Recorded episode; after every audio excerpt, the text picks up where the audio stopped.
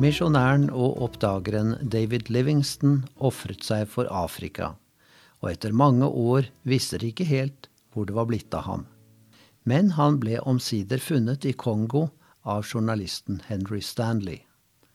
Bli med hjem til England, sa Stanley. Men Livingston sa nei takk. Han hadde innvidd seg til Herren og til afrikanerne.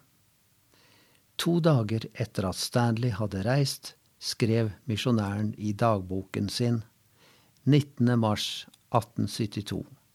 Min fødselsdag, min Jesus, min konge, mitt liv, mitt alt. Jeg hengir meg til deg. Ta imot meg, nådefulle Far. Når året er omme, må jeg få fullføre mitt arbeid i Jesu navn. Amen.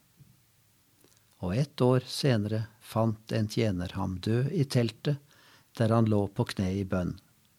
På minnestøtten skrev de blant annet Han levde og døde for det gode, la gravsteiner smuldre, dette er living stone.